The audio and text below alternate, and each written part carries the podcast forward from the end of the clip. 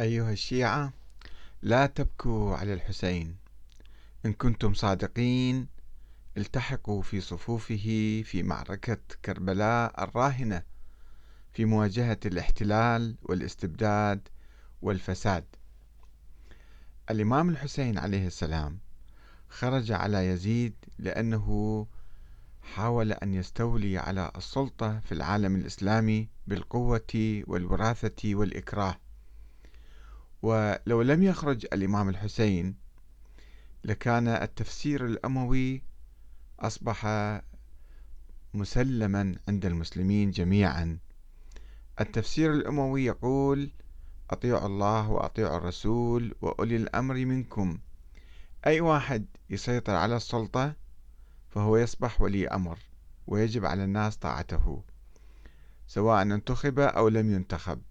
وبأي طريقة ومهما كان إنسانا فاسقا عادلا تقيا مجرما سفاحا مهما يفعل كما هو الحال الآن في بعض الأنظمة الملكية المطلقة أو العسكرية المستبدة المطلقة.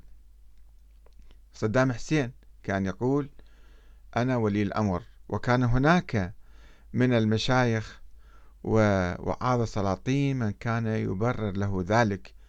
ولا يزال حتى الآن ربما البعض يعتقد بأنه حاكم حاكم شرعي ومهما فعل مهما شن من حروب ظالمة طاغية آه، فهو له الحق وعلى الناس أن يسمعوا كلامه. الإمام الحسين بخروجه على يزيد كسر هذا التفسير الأموي المطلق للقرآن. التشويه الأموي للقرآن. وقال لا الحاكم إذا استولى على السلطة بالقوة فحكمه غير شرعي ولا يجب طاعته. الآن لو جاء الإمام الحسين اليوم ماذا سيرى؟ لا يوجد يزيد. خلينا نفترض الإمام الحسين انتصر الآن. انتصر على يزيد وأقام دولة. ومثل ما الآن مثلا شيعته أقاموا دولا. وأقاموا دولة في العراق مثلا يدعون التشيع. هؤلاء يظلمون يفسدون يسرقون ينهبون آه، يتعاملون مع المحتلين يدفنون رؤوسهم في الرمال عندما يقصفهم الأعداء من الخارج.